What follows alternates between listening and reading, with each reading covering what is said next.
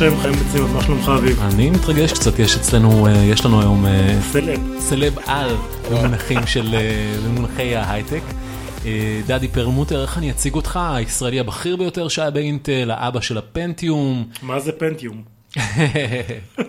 כן, האמת היא שזה, הציגו אותי לפני שנה ב-DLD, ואמרו, דדי פרלמוטר הוא אחד מבעלי הרעיון הראשונים של פנטיום, מי יודע מה זה פנטיום? והיו מתוך קהל של 50 איש, בערך 20 שלא ידעו.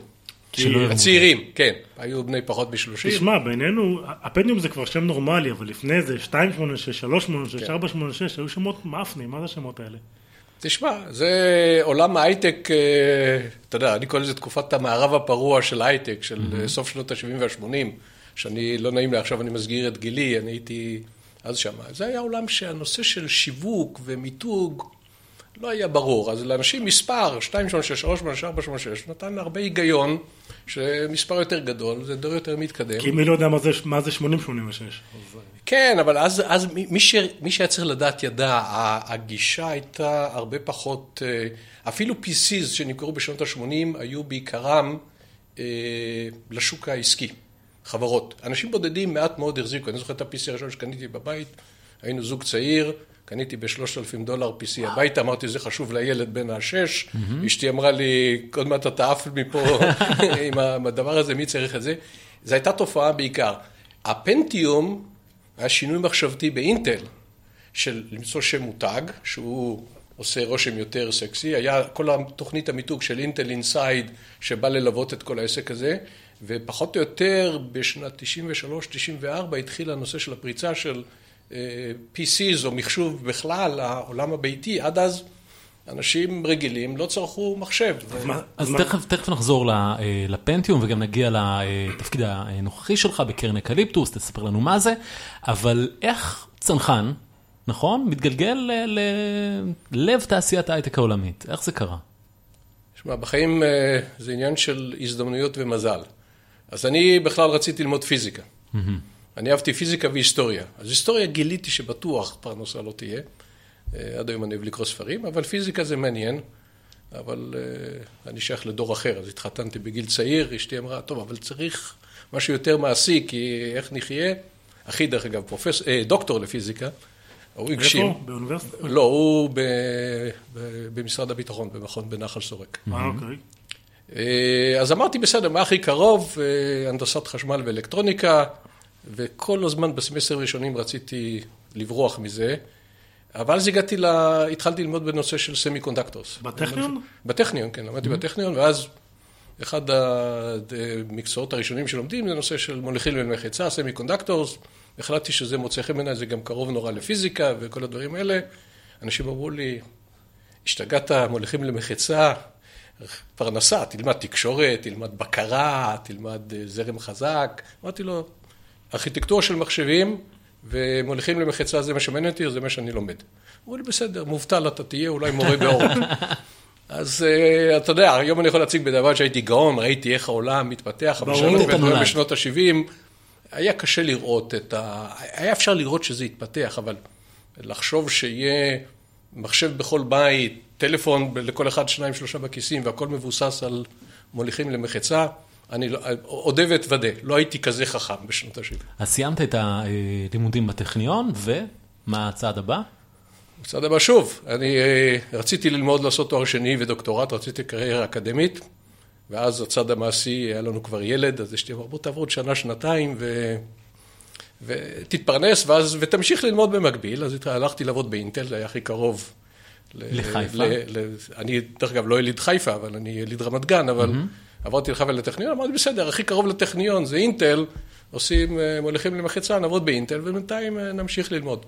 את התואר שני שלי לא גמרתי מעודי, אה, למרות שגמרתי כמעט את כל הנקודות לתואר, אבל באינטל נשארתי 34 שנים.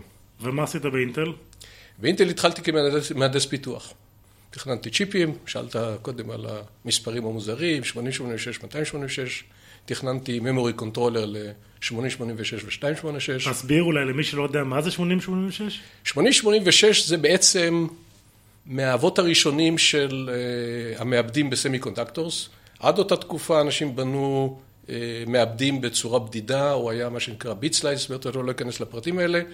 כן, אל תקלל יותר מדי. לא אקלל יותר מדי, אבל אה, אינטל נכנסה לשוק של מעבדים, לעשות מעבדים במוליכים למחצה, צ'יפים של... אה, וקראו להם משום מה 8086, אין לי מושג.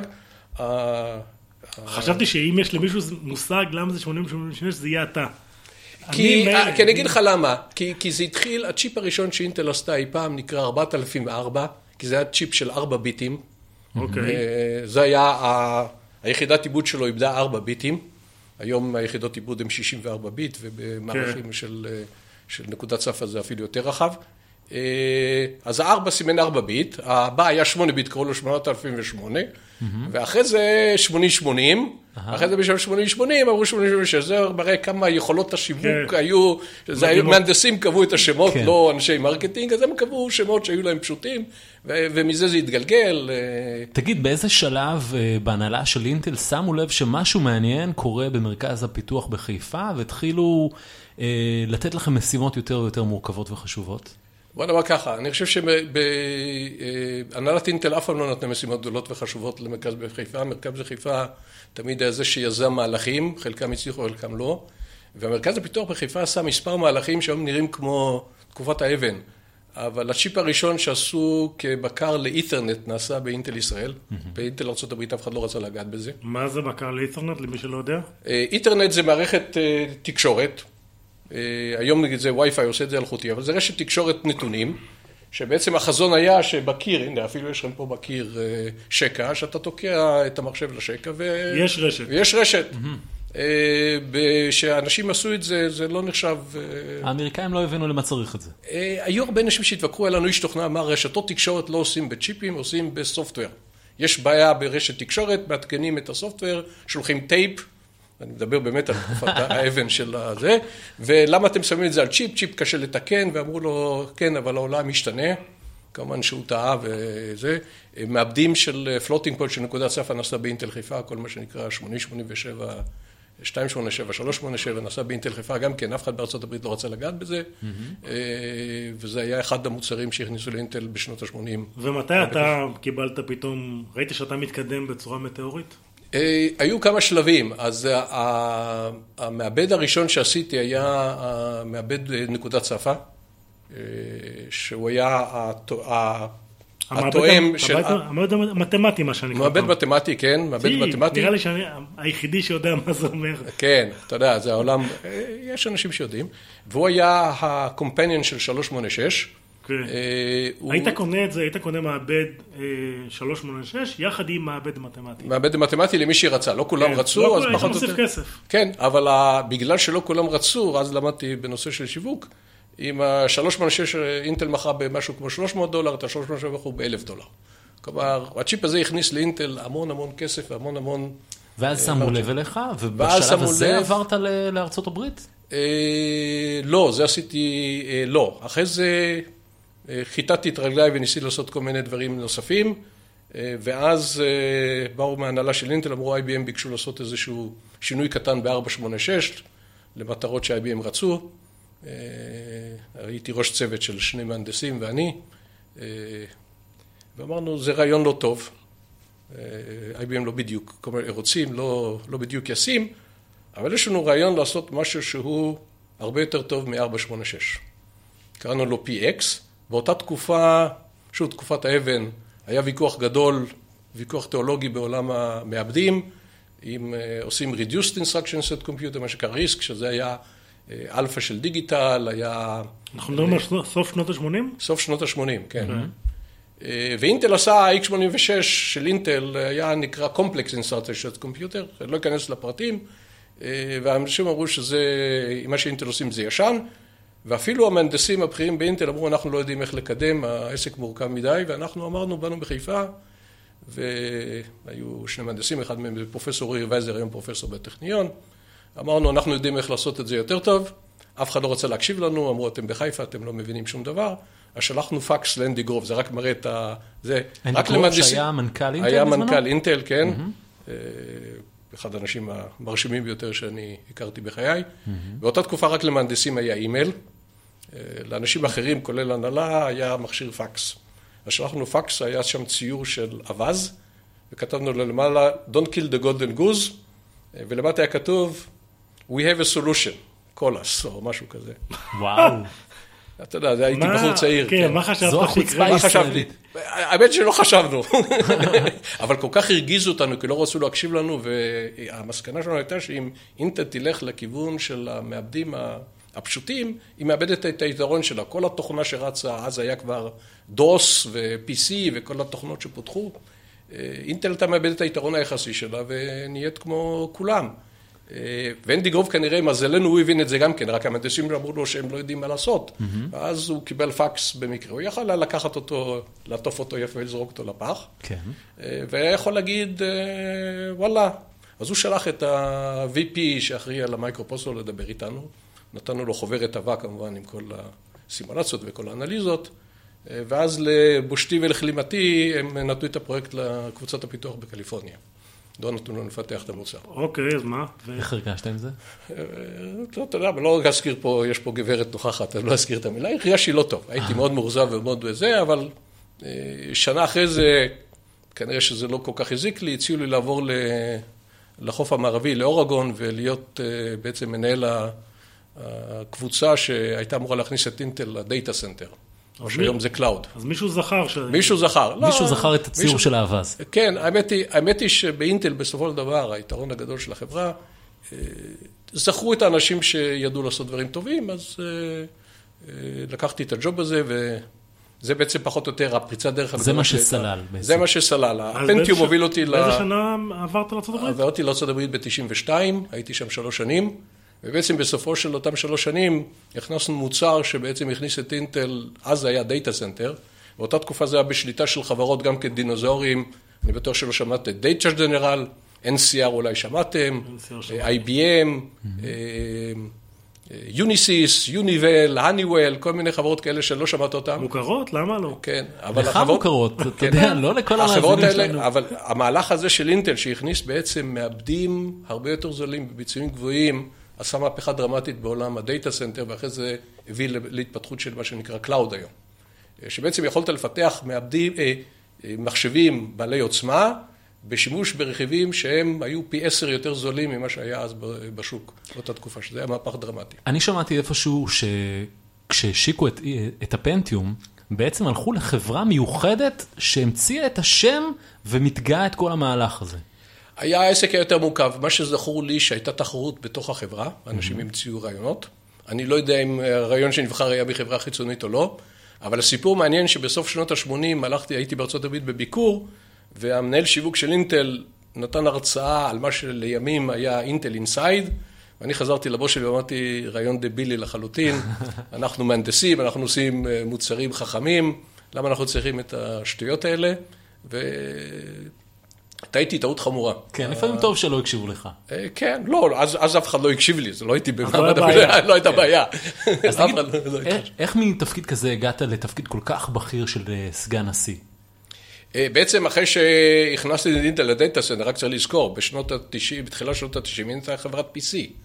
אה, הכניסה לעולם של המחשבים הגדולים אה, של data center היה מהלך דרמטי, הוא היה גם לא רק פיתוח של צ'יפ, הוא היה אה, במהלך של פיתוח שוק אה, מאוד מורכב.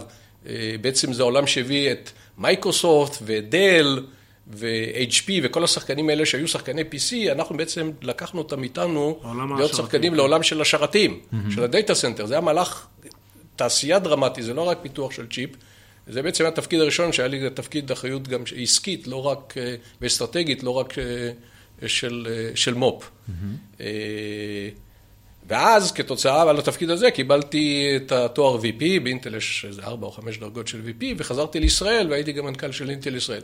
זה נתן לי אפשרות, מה שלא הייתה לי בתקופה של פנטיום, אה, שאם היה לי רעיון, אנשים הקשיבו. בין אם הסכימו או לא הסכימו, כבר הייתי במעמד כזה באינטל, שאם הייתי פונה למנכ"ל או לאחד ה-VPs הבכירים, הייתי אומר לו, תשמע, זה הרעיון, זה מה שאני רוצה לעשות, וזה מה שקרה שבאנו עם הרעיון של סנטרינו מובייל, אה, שהכניס את וי-פיי ואת, ונושא של אה, מעבלים, אה, מעבדים דלי הספק, אז למרות שהיו הרבה אויבים בתוך אינטל, אה, הייתי כבר במעמד שבו אנשים הקשיבו היו מוכנים לתמוך במהלכים מורכבים. ש... תפ- תפקיד אחרי זה חזרת לארץ לנהל את אינטל ישראל? כן.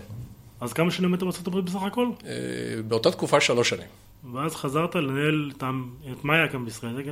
את, הפיתוח בחיפה ואת את הפיתוח בחיפה. ואת, זה ה- ואת המפעל לא? מפעל לא נגעתי, אני כל חיי עשיתי רק אה, מו"פ וביזנס, לא נגעתי במפעל. הייתי אחראי על כל, ה, כל המרכזי פיתוח של אינטל בישראל, אז היה רק חיפה, אחרי זה פתחנו ליקום ואחרי זה בירושלים, אבל הייתי מנהל של אגף הפיתוח של אינטל בישראל. אז אנחנו נדלג על כמה שלבים בדרך עד אה, תקופה שבה הגעת כל כך גבוה, שהיית בבורסת השמות אחד המועמדים הבכירים בעצם להתמנות למנכ"ל אינטל העולמית, כן, ובסוף לא נבחרת.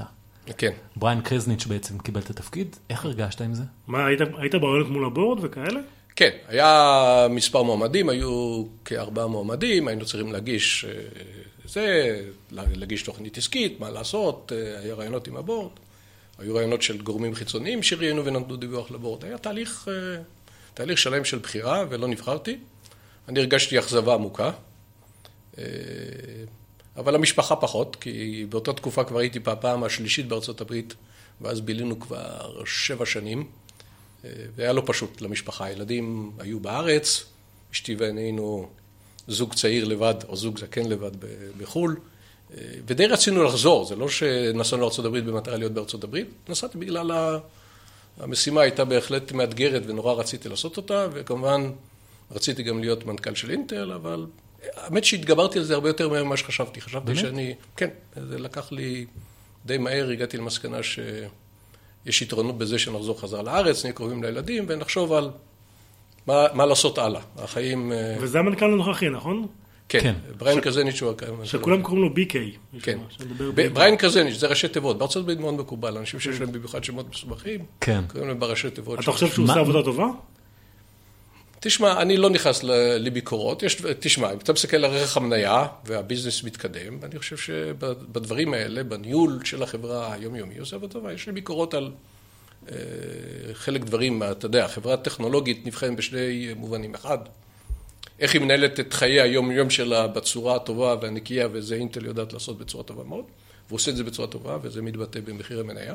ואתה תמיד עכשיו יש את הוויכוח שקשה לדעת אותו, נדע אותו עוד חמש-שש שנים, האם הוא פיתח אה, את, ה, את הצעד הגדול הבא כי, שיביא כי את זה מה. שאני שואל, כי, כי גם מייקרוסופט בזה, אני עובד מייקרוסופט אז מותר לי לדבר על מייקרוסופט, אה, בתקופה של בלמר, המניה אה, הייתה נראה שזה בסדר והרוויחו יותר כסף, חדשנות טכנולוגית הייתה פחות באותם שנים, ועכשיו המנכ"ל החדש סטיה, אז הדברים קצת, אה, כמו כן. כי הוא שינה אסטרטגיה, ו... ואתה רואה, לפחות ברחוב יודעים פחות, אבל אני מניח שאנליסטים, ואני מסתכל, והדברים שנעשים במייקרוסופט בנושא של, של ה cloud, והוא בהחלט, אה, בהחלט אה, מרשים. תגיד, דדי, כן. מה היית עושה אחרת אם אתה היית נבחר למנכ"ל אינטל? תשמע, זה קשה, קשה לומר היום. אה, אתה יודע, אני מרגיש, אה, אתה יודע, עדיין יש לי רגשי חיבה לאינטל. בטח. אני אוהב את החברה. אה, כל המוצרים שנמכרים היום, אני מכיר את כולם, בגלל שעדיין ה- ה pipe של מוצרים בא מהתקופה שאני ניהלתי אותה.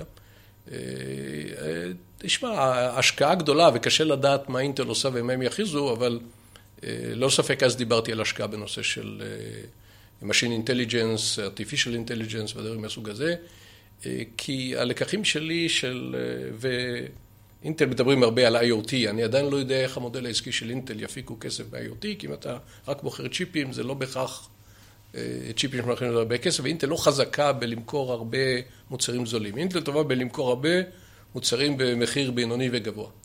אז בוא נדבר על באמת החלטה אסטרטגית שאינטל אה, קיבלה לא מזמן, וזה לרכוש את מובילאיי בסכום עצום של 15 מיליארד דולר.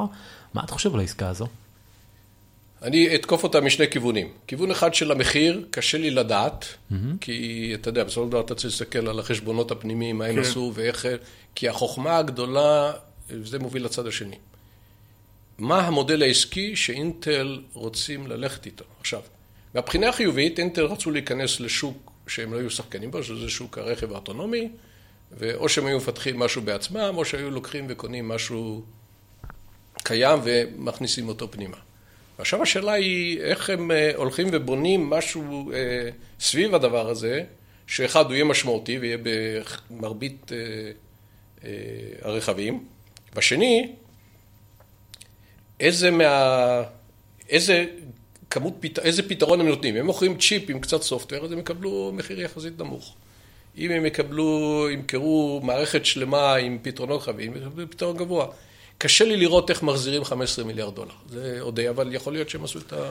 ממה שאתה יודע, מהנתונים שיש לך היום, זו החלטה שהיית מקבל, או שאתה היית לא, מחליט משהו אני, אחר ולא לא, קונה את מובילאיי? אני לא יודע. אני, אתה יודע, קשה נורא להגיד. אני חושב שיש הרבה פיתוי, והייתי בוודאי שוקל את זה ברצינות. זה לא משהו שהייתי מנפנף אותו ואומר, לא מעניין. אני חושב ששוק הרכב והמכונית האוטונומית הוא מאוד מעניין. האם זאת רכישה שיכולה למנף את אינטל לכיוונים יותר רחבים?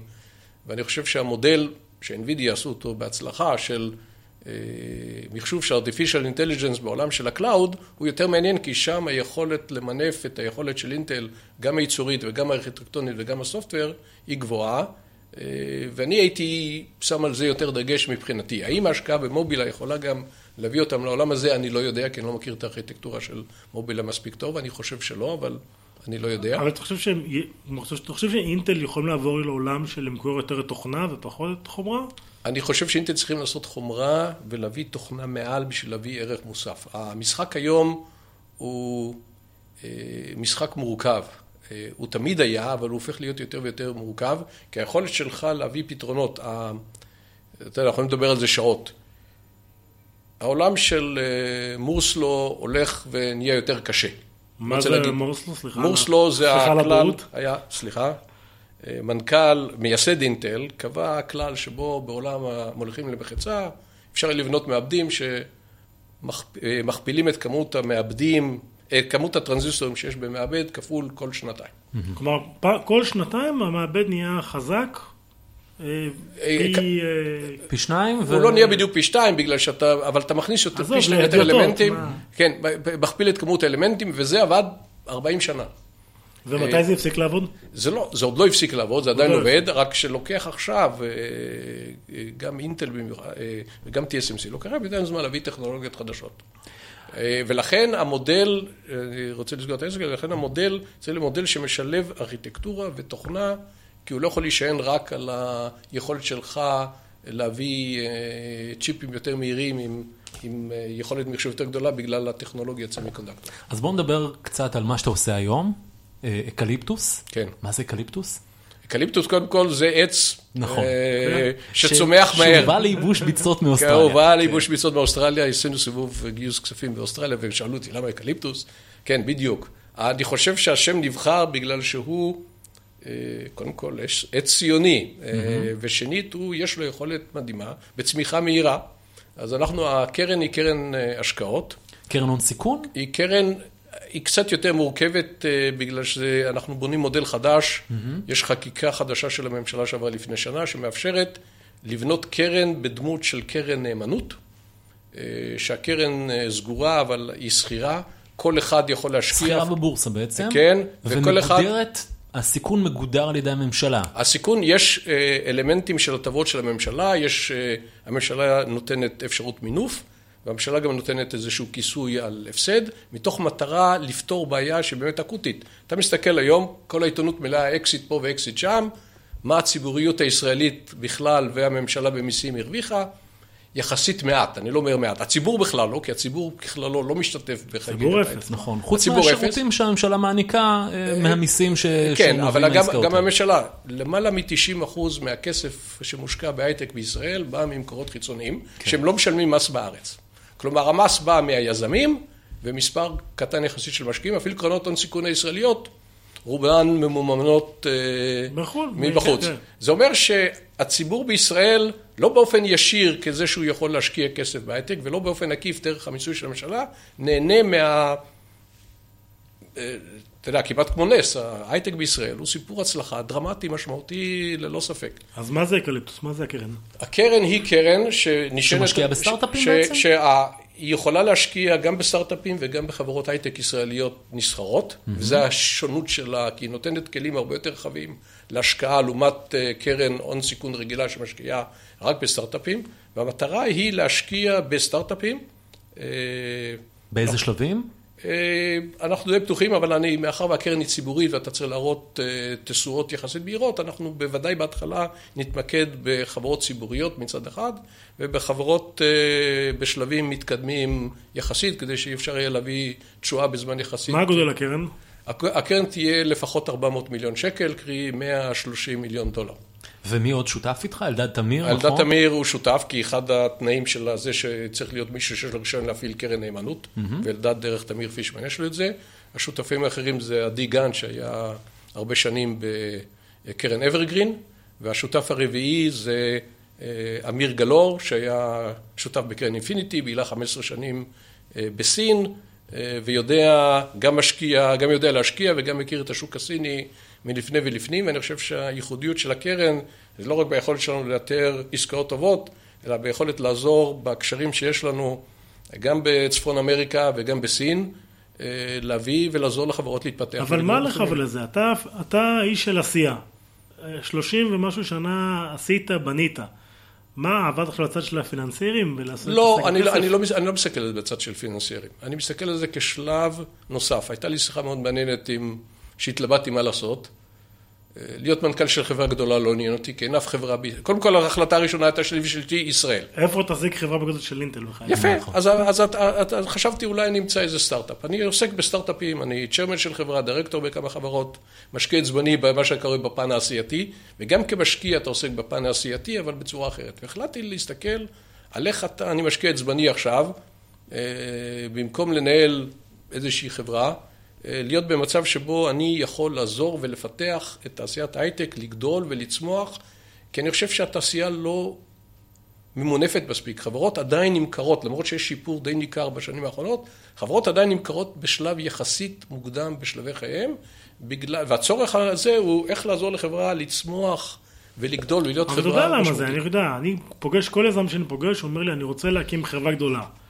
אני מאמין לו, עד שהוא רואה את הצ'ק של 10 מיליון דולר, ואז פתאום גם חברה של 10 מיליון דולר זה על הכיפאק. תשמע, זה, זה נכון, ויש... אה, וגם בסיליקון ואלי, אבל אני מכיר יזמים גם בישראל וגם בסיליקון ואלי שאמרו לא. כן, יש מקום לכל מיני סוגים של מקום, עסקים. אני אומר, יש מקום, אני, אני לא בא בשום ביקורת על אנשים שמוכרים ב-10, 20, 30, 40. קודם כל יפה, הם השקיעו מזמנם, מרצם, כספם, ומגיע להם כל מה שמגיע להם, וזו החלטה בסופו שלהם ושל המשקיעים שלהם. Mm-hmm. אבל יש לא מעט אנשים, ואני חושב שמשקיעים מהסוג שלנו יכולים לעזור לחברה לא רק ב... בכסף, אלא גם בעזרה, בייעוץ, בעצה טובה, ואני חושב שחלק המקומות שאני יושב, אפילו כדירקטור או כצ'רמן, אנשים, אני בוחר את החברות שאני מתעסק איתן כחברות שרוצות לגדול, עכשיו לפעמים אתה תמיד נתקע במצב שבו יש או הצעה טובה, או שהחברה הגיעה לאיזשהו מבוי סתום, ועדיף למכור מאשר לקטן. זה שיקולים עסקיים שקיימים, אבל היכולת להצמיח תעשייה, אני חושב שזה נושא מעניין, ואני די מעורב גם בהחלטות, לא החלטות, כדירקטור וכמשקיע, mm-hmm. אני יותר עברתי לתפקיד של סבא מתפקיד של אבא. אה, וזה תפקיד חשוב בשלב הזה של החיים. נכון, ויש לו הרבה יתרונות. כן, אני, אני גם סבא כן? בעוונותיי.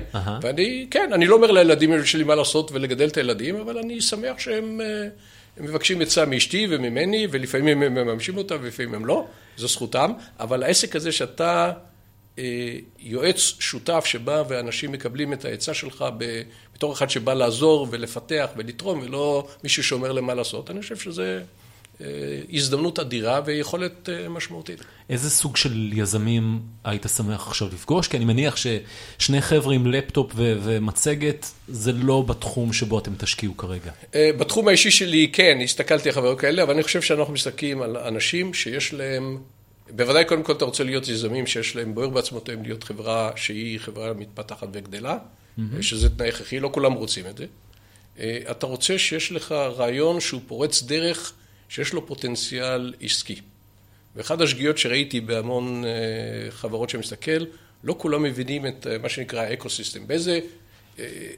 כל אחד חושב שהוא יניע שוק, ולהניע שוק אפילו לאינטל ולגוגל זה לא קל. נכון. ושאינטל רצה להניע שוק. וגם למייקרוסופט, ואני יודע איזה סכומים. איך אתה תמיד מפריע. לא, לא אני מסכים, אני מכיר הרי את העולם מהצד הזה, אני יודע נכון. כמה מאמץ ואנרגיה, ולאינטל היו כמה כישלונות שנבעו מהעובדה שלא הצליחו להניע אקוסיסטם. אה, בנושא של תקשורת, WiMAX, מי שמכיר, אינטל לא, לא הסכימה. גם ב mobile. כן, וגם ב mobile לא הצליחה, אז ואני בטוח שאני יכול למנות גם למייקרוסופט. העסק הזה לא פשוט, ואם אתה סטארט-אפ אתה צריך או שיהיה לך פרטנר שיניע את האקוסיסטם, או שאתה יודע להיכנס לאקוסיסטם קיים ועם פרטנרים להזיז אותו, ואני חושב שזה תחום שאני יכול לעזור בו, ואני רוצה לראות, אבל כשאני בוחן חברה, האם יש, האם היזם מבין את האקוסיסטם, או שאני רואה דרך איך אני עוזר לו להסיט את, ה, את המוצר שלו ואת הפתרון שלו למשהו שיש לו אקוסיסטם, שיש לו אה, אפשרות צמיחה אדירה. בסופו של דבר כולנו בודקים על צמיחה. אביב, מה למדנו היום?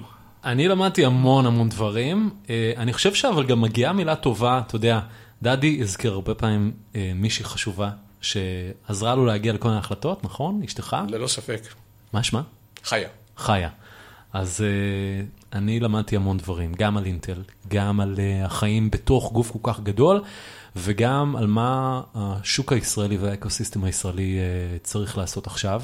אז uh, דדי פרלמוטר, המון המון תודה שהצטרפת אלינו, בהצלחה בקרן החדשה. המון הצלחה. כן, ותודה רבה להילה בר המפיקה שלנו, ולנבות ווק, 30 דקות פחות. עד הפעם הבאה. ביי.